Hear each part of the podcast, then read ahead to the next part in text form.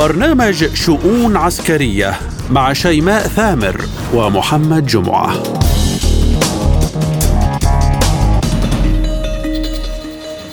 ملفات عسكرية وشؤون جديدة من وكالة سبوتنيك الإخبارية بموسكو. نتناوب على تقديمها أنا شيماء ثامر. وأنا محمد جمعة نبدأها بالعناوين. الناتو يعزز قوته شرقا والخارجية الروسية تؤكد إمكانية استهداف الأقمار الصناعية في أوكرانيا. الولايات المتحدة الأمريكية تحذر أنقرة من شن هجوم بري في سوريا وتؤكد أن الخسائر ستكون كبيرة.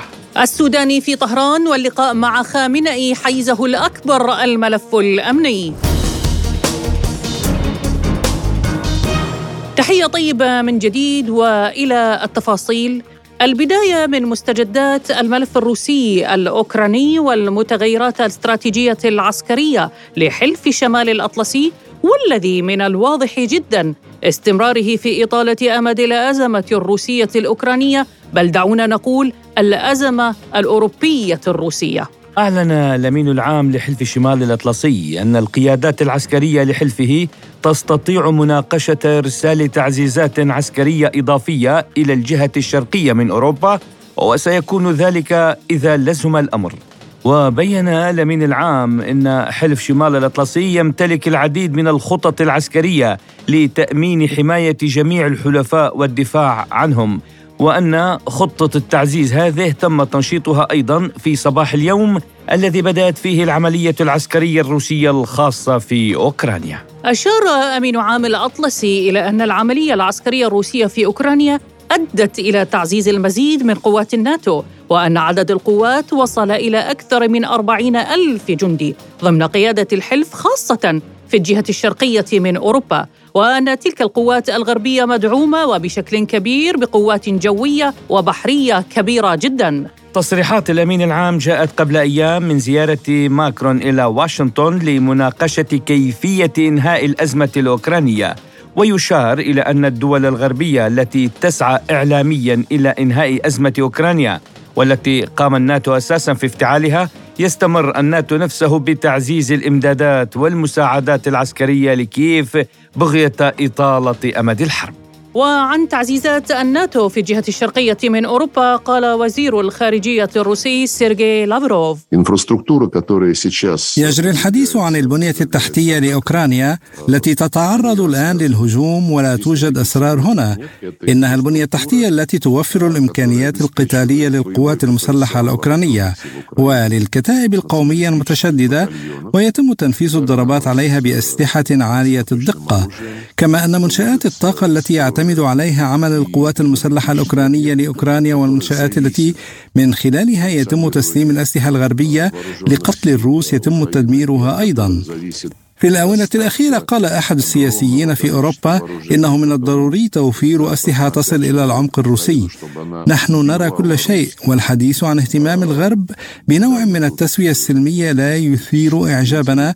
أعلن الغرب علنا أنه لا يريد فقط هزيمة روسيا في ساحة المعركة بل قال إنه يجب تدمير روسيا كلاعب. بل إن البعض يعقد مؤتمرات خاصة حيث يفكرون في عدد الأجزاء التي يجب تقسيم روسيا إليها ومن سيقود أي جزء منها. لذلك نحن نسحب منشآت الطاقة التي تسمح للغرب بضخ أسلحة فتاكة إلى أوكرانيا لقتل الروس. لذلك لا داعي للقول إن الولايات المتحدة وحل شمال الأطلسي لا يشاركان في هذه الحرب. إنهم يشاركون بشكل مباشر.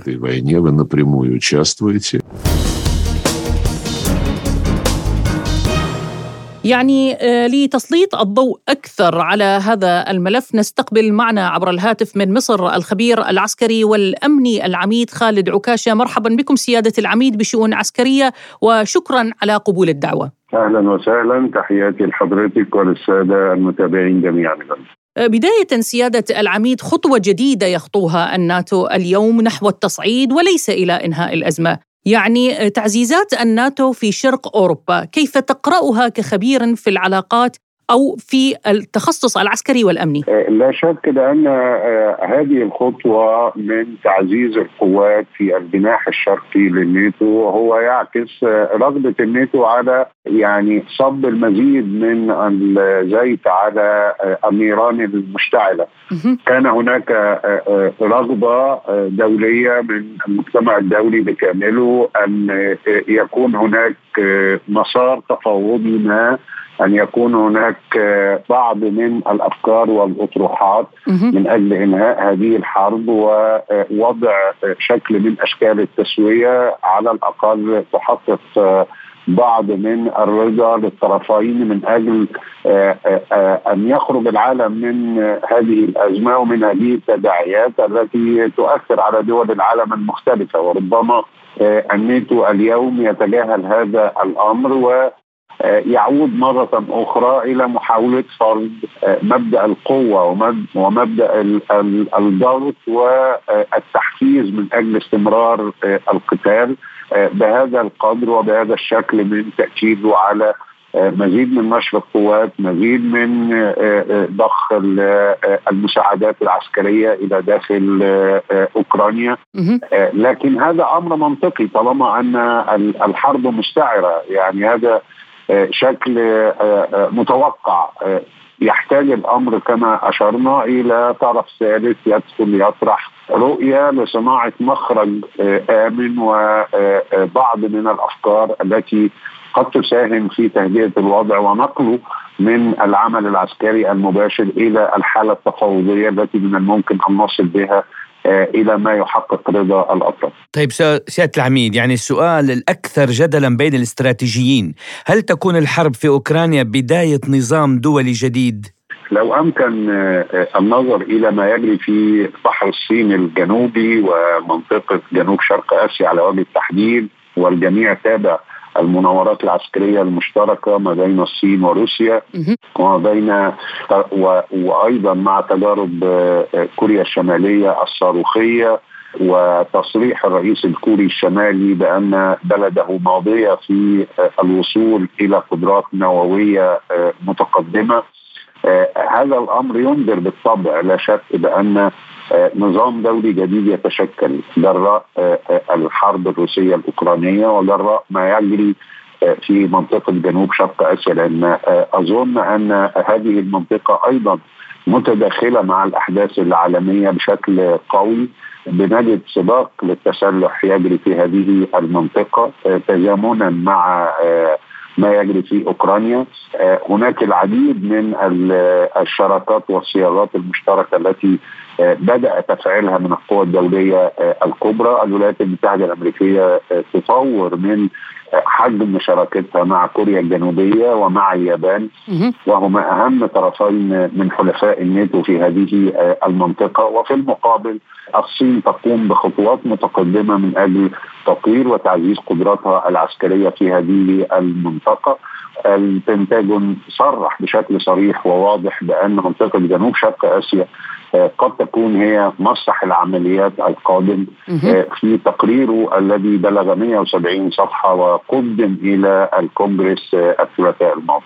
طيب سيادة العميد دعنا ننتقل إلى محور آخر يعني لقاء الزعيمين الفرنسي والأمريكي ماكرون وبايدن والحديث عن محاولة لإنهاء الصراع في أوكرانيا كيف تنظر إلى هذا اللقاء من الناحية الأمنية الاستراتيجية وهل ترى أن الأمر سيمضي إلى إنهاء الأزمة في ظل استمرار التعزيزات والمساعدات العسكرية الغربية لكييف؟ أعتقد زيارة الرئيس الفرنسي ماكرون هو تعبير عن أن الجانب الأوروبي بدأ يعني يحدث له تأزم كبير جراء التداعيات التي هي واقعة على دول غرب أوروبا على وجه التحديد.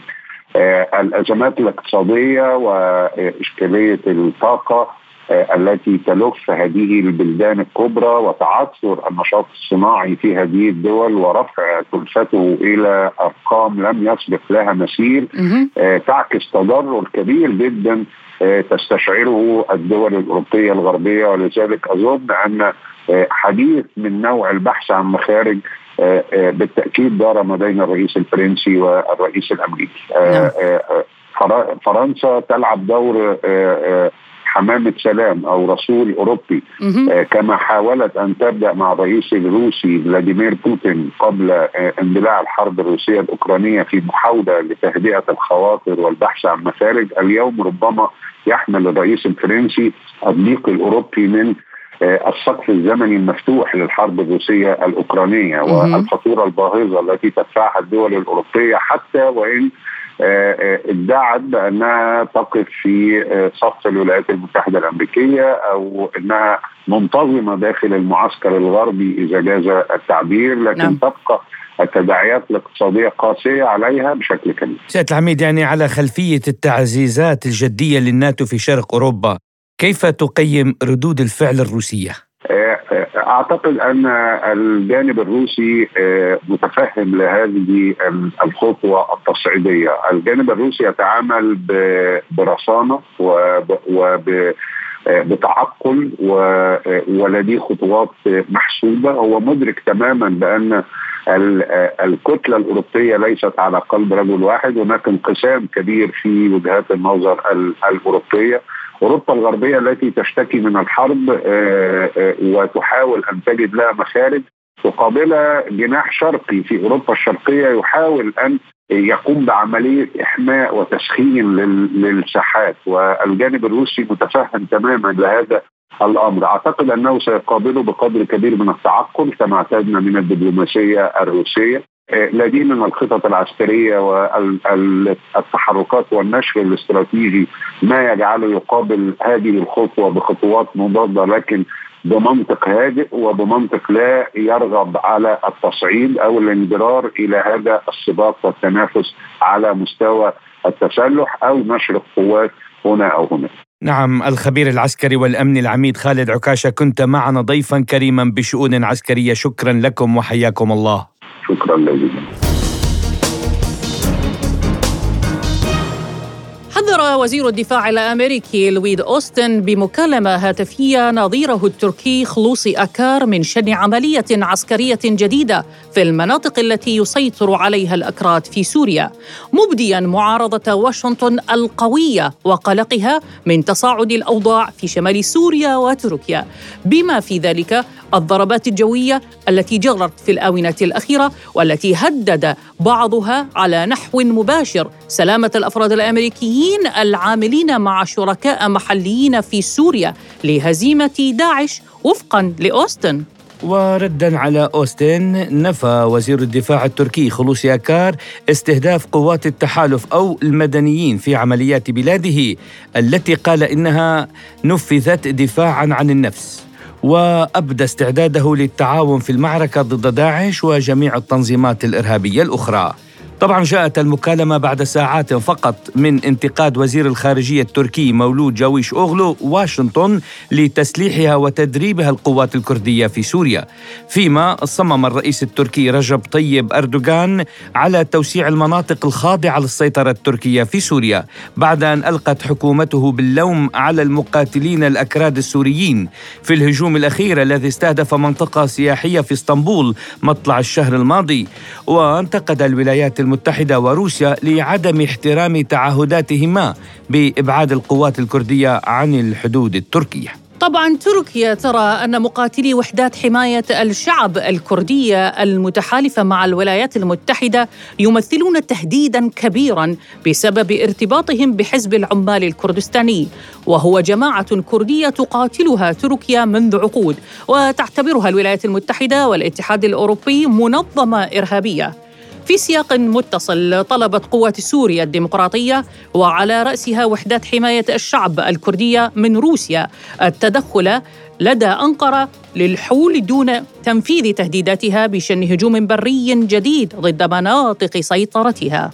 حثت روسيا التي تعد أبرز حلفاء دمشق مرارا أنقرة الداعمه لفصائل في المعارضة السورية على عدم التصعيد. ومنذ سنوات تنسق موسكو مع حليفتها طهران وأنقرة حول الملف السوري. فما بين هجمة برية مرتقبة على سوريا وقلق أمريكي من ضياع المكاسب هناك.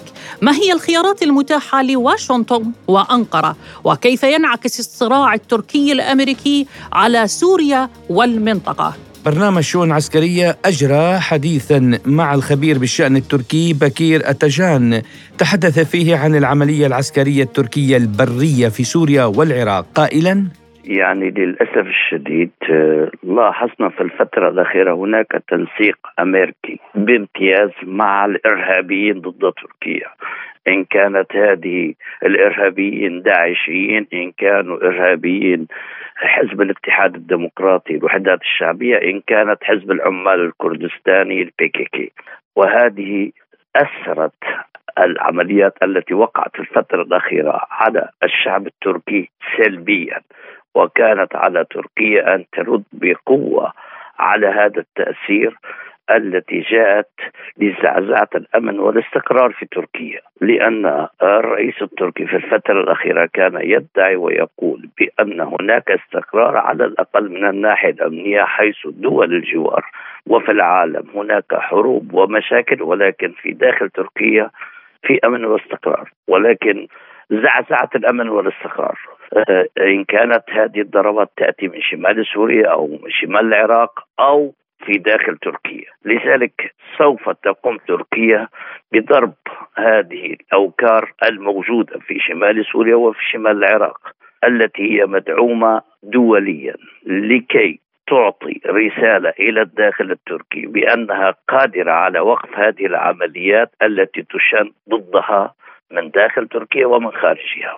وبالحديث عن التحذيرات الأمريكية لأنقرة من شن الهجوم البري أجاب أتجان قائلا.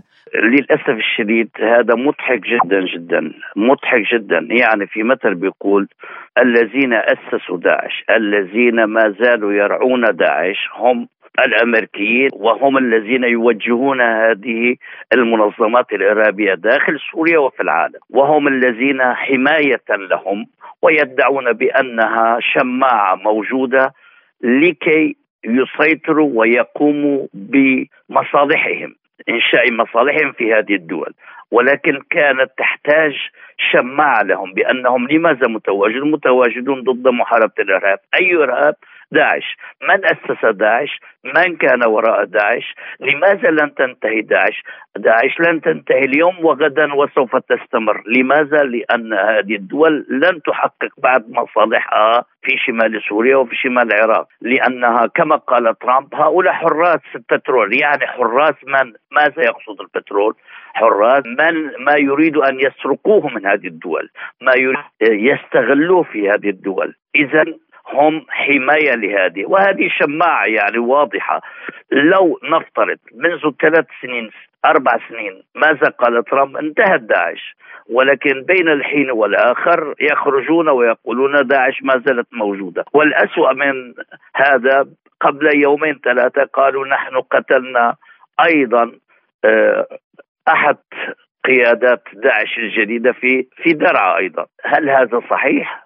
هل ما يدعونه صحيح كما فعلوا في أفغانستان قالوا هناك القاعدة وما زالت القاعدة موجودة كما قالوا أن هناك داعش موجودة في في الدول الأفريقية بأسماء مختلفة يدعون بأنها موجودة في سوريا وفي العراق فإذا إذا موجودة كيف تستمر بهذه السرعة؟ لماذا لن يستطيعوا القضاء عليها؟ هل هم فعلا جادين في القضاء عليها أم جادين في استعمالها كشماعة لتحقيق مآربهم في هذه الدول فقط. من تركيا وسوريا إلى الملف الأمني العراقي الإيراني.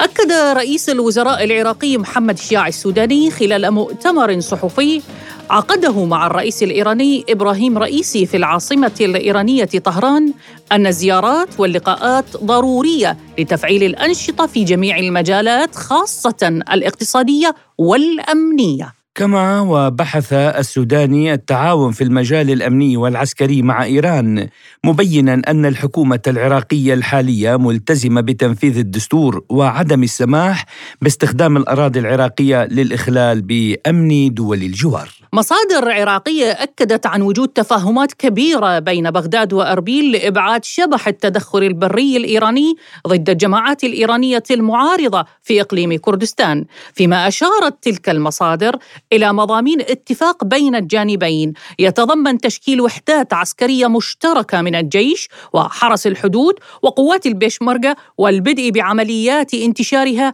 على الحدود مع إيران في أقرب وقت ممكن. كانت بغداد اتخذت خطوات استراتيجية جديدة لمواجهة احتمالية شن الهجوم البري الإيراني على العراق من بينها إعادة نشر حرس الحدود على الخط الحدودي بين العراق وإيران بعد سلسلة هجمات جوية إيرانية تعرض لها إقليم كردستان فهل سينجح السوداني في الملف الأمني ومسؤولية حفظ السيادة العراقية وكيف سينعكس الملف السياسي على نظيره الأمني؟ للإجابة عن كل تلك التساؤلات ينضم معنا من بغداد الخبير العسكري اللواء الركن الدكتور عماد علو مدير مركز الاعتماد للدراسات السياسية والاستراتيجية. مرحبا بكم سيادة اللواء بشؤون عسكرية وشكرا على قبول الدعوة. أهلا وسهلا بكم. بداية سيادة اللواء زيارة السوداني إلى طهران حملت الكثير من الملفات أهمها الملف الأمني. تعهدات أطلقها السوداني لدول الجوار من طهران وتحديدا لإيران بأن الأراضي العراقية لن تكون ممرا لاستهداف أمن الدول الجوار. كخبير عسكري استراتيجي بداية كيف تقرأ الهجمة البرية المحتملة الإيرانية المحتملة على العراق والتي تستعد لها طهران؟ الزيارة التي قام بها السيد رئيس مجلس الوزراء نعم. إلى إيران تباحث في هذا الموضوع وهناك صدر قرار بعد اجتماع آه، رئيس أركان قوات البيشمركة بمجلس الأمن الوزاري آه، المجلس الوطني الأمن الوزاري في الوزاري في بغداد نعم. وتم الاتفاق مع قيادة العمليات المشتركة ووزارة الدفاع وقوات حرس الحدود على تعزيز انتشار القوات الاتحادية في الشريط الحدودي العراقي الإيراني لكي يتم سحب البساط والتبريرات التي تستند عليها قوات الحرس الثوري الإيراني بنيتها اختراق الحدود والوصول إلى مقرات المعارضة آه، آه، الكردستانية آه، الإيرانية في محافظة أربيل وسليمانية طيب سيادة اللواء بغداد أعادت نشر قوات عسكرية على الحدود مع إيران. هل هي قادرة فعلا على منع المعارضة الإيرانية من تهديد الأمن القومي الإيراني أم أن هذا الانتشار هو شكلي لإرضاء طهران؟ يعني هو مسألة المعارضة ووجودها ونشاطها هي ليست مسألة مستحدثة بالحقيقة. هي منذ سنوات يعني قبل الاحتلال الأمريكي للعراق وهي مسألة داخلية تتعلق بعلاقة حكومة الجمهورية الإسلامية بالمكون الكردي الإيراني في داخل إيران. وأيضا نفس الشيء ينسحب إلى تركيا وعلاقة الحكومة التركية والنظام في تركيا مع المكون الكردستاني الموجود في جنوب شرق تركيا. وهناك احزاب آه، كردية مشتركة في البرلمان التركي وأيضا القضية الكردية واضحة وأبعادها وتداعياتها وتشابكها. هذه المسألة آه، تختلف بالنسبة للعراق، العراق أعطى حقوق آه، كبيرة للأكراد في شمال العراق، هناك إقليم فيدرالي وهناك قوات وهناك تعليم باللغة واعتراف دستوري بالدستور العراقي القومية الكردية واللغة الكردية وغيرها من الأمور الثقافية الأخرى. ولذلك الأكراد في إيران وفي تركيا وفي سوريا يتطلعون إلى الحصول على نفس ما حصل عليه أكراد العراق. وهذه المسألة آه، أو المشكلة الأساسية التي مضى عليها عدد من العقود السنين يعني ليست جديدة هي بالحقيقة. بمعنى أن إقليم كردستان عليه إخراج هذه التنظيمات يعني من من من الشمال العراقي، آه، هل هو هذا معنى كلامك سيادة اللواء أنه آه، إقليم كردستان عليه أن يخرج هؤلاء من الشمال العراقي؟ هو ما يستطيع الآن حاليا إخراجهم، ما أه. أتصور أن هناك يعني قدرة نعم. لحكومة إقليم كردستان لكن آه، هناك إمكانية إنه تحجيم وتقليل فعاليتهم باتجاه يعني آه، أنشطتهم في الداخل نعم. الإيراني أو في الداخل التركي لإبعاد خطر القيام بعمليات انتهاك ودخول واجتياح من قبل القوات التركية أو من قبل القوات الإيرانية نعم. لأراضي إقليم كردستان وهذه هي مسألة مهمة من الممكن أن تتم من الممكن أن تتم بالتعاون مع الحكومة الاتحادية ومع القوات الأمريكية أيضا الموجودة في إقليم كردستان والتي لها علاقات طيبة في اطار حلف الناتو مع آه، تركيا. شكرا لك الخبير العسكري والاستراتيجي اللواء الركن دكتور عماد علو. كنت معنا ضيفا كريما بشؤون عسكرية. شكرا لكم وحياكم الله. أهلا وسهلا بكم.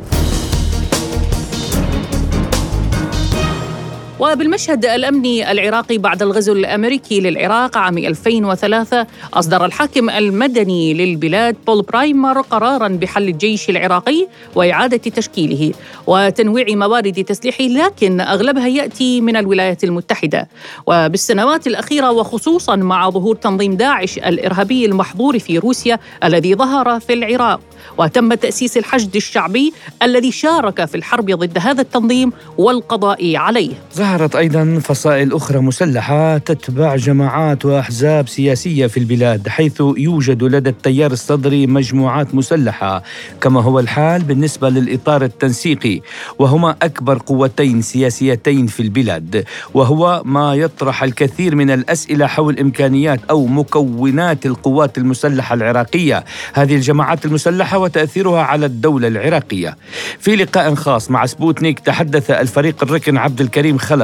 الخبير العسكري والمتحدث السابق باسم القوات المسلحة العراقية عن تجربته الشخصية في الجيش العراقي الذي كان يتمتع بسمعة كبيرة. في العراق مناطق جبلية مناطق صحراوية مناطق مياه مثل اهوار وأيضا يعني ساحل بحري طول 58 ميل تقريبا. على هالأساس تم بناء الجيش. يعني لدينا كان فرق مدرعة فرق آلية وأيضا مشاة ومشاة جبلي آه، إسناد كافية قوة جوية. مثلا أكثر من 500 طائرة مختلفة. معظم تسليحنا كان روسي. يعني كان أنا كنت في أحد الفرق وهي تسمى الفرقة الذهبية الفرقة المدرعة العاشرة. كان تسليحها روسي كامل يعني بكل وسائله. كان لدينا أيضا آه، وسائل اسناد متطورة جدا يعني. في ذلك الوقت أقصد يعني مو الآن. يعني كانت آه، تعادل تعادل الآن في تسليح الجيل الرابع أو الثالث من آه، الأسلحة على مستوى جيوش المنطقة. في هذا كان هو جيش قادر أن يعني يؤدي أغراض الدفاع وأيضا يأمن حدود البلد وأجواءه. من ناحية الدفاع الجوي والقدرات اللي نمتلكها كانت عالية جدا إيش كانت يعني الميزانية المخصصة للقوات المسلحة كانت ميزانية ضخمة كبيرة يعني تغطي احتياجات الأمن والدفاع بالنسبة للجيش العراقي. وعن سؤال فيما إذا دخلت قوات الحشد الشعبي بالفعل في قوام الجيش العراقي، قال الفريق الركن عبد الكريم خلف. الحشد الشعبي بسبب انتشاره الواسع على مساحات ومسافات واسعة على الأرض العراقية. ودخل معارك عديده كان هناك تنسيق. كان الحشد الشعبي يحتاج إلى قضية الإسناد والإسناد خاصة الإسناد الثقيل اللي هو من القوة الجوية من طيران الجيش من المدفعية من بعض وسائل الإسناد البعيدة. والنقل كان الجيش يقدم هذه المساعدة للحشد الشعبي. ولكن الحشد الشعبي لديه موارد في الميدان. أيضا مهمه جدا وتمكن من الانتصار في جميع المعارك ولهذا أعطى الحشد الشعبي خسائر وشهداء وجرحى بأعداد كبيرة ولكنه الآن كجزء من المنظومة الدفاعية آه، المنظومة الدفاعية العراقية الآن مقسمه إلى قيادات عمليات وقيادات عمليات في الحشد أيضا موجودة قيادة عمليات. تنسيقها في الواقع على الأرض لقيادة العمليات التي تنتمي للجيش وقيادة العمليات التي تنتمي للحشد الشعبي. هو الحقيقة تنسيق يأتي على آه، طريقة آه، القوات المتجاورة التي تستفيد من موارد بعضها البعض. في ترتيب أوضاع تنسيق ما بين الحشد الشعبي وما بين الجيش العراقي تكاد تكون واحدة. يعني ليس هناك فروقات يعني وليس هناك تحديات. الجميع ملتزم بالسياقات التي تقرها العمليات المشتركة وخاصة وان الحشد الشعبي موجود في نفس المناطق أو قرب المناطق التي يتواجد فيها الجيش. وفيما إذا كان انتشار الحشد الشعبي بهذه الطريقة يقلل من قبضة الدولة والجيش، أجاب خلف؟ الحقيقة يعني لا وزارة الداخلية ولا وزارة الدفاع قادرة على تغطية كل المناطق الآن بسبب أن الوضع أمن داخلي وليس حدود، يعني لو كان التهديد فقط من جانب الحدود فهذا الكلام ممكن. ولكن لأن التهديد في المدن الحشد الشعبي الآن لديه يعني سلاح الهندسة اللي موجود في الحشد الشعبي هو أكبر سلاح هندسة موجود في العراق ربما حتى في الشرق الأوسط لهذا الاستغناء عن الحشد الشعبي يعني تهيئه ثغرات كبيرة وضخمة وواسعة لجميع التنظيمات الإرهابية التي تريد أن تعمل وتحصل تحصل على اختراقات داخل المدن هذه. إلى هنا نصل وإياكم مستمعين الكرام إلى نهاية حلقة اليوم من شؤون عسكرية. رافقناكم بها من وراء الميكروفون محدثتكم شيماء ثامر. وأنا محمد جمعة. شكرنا موصول طبعا لضيوفنا بهذه الحلقة. كل من الخبير العسكري العميد خالد عكاشة. والخبير بالشأن التركي بكير أتجان والخبير العسكري اللواء الركن الدكتور عماد علو. للمزيد يمكنكم زيارة موقعنا الإلكتروني.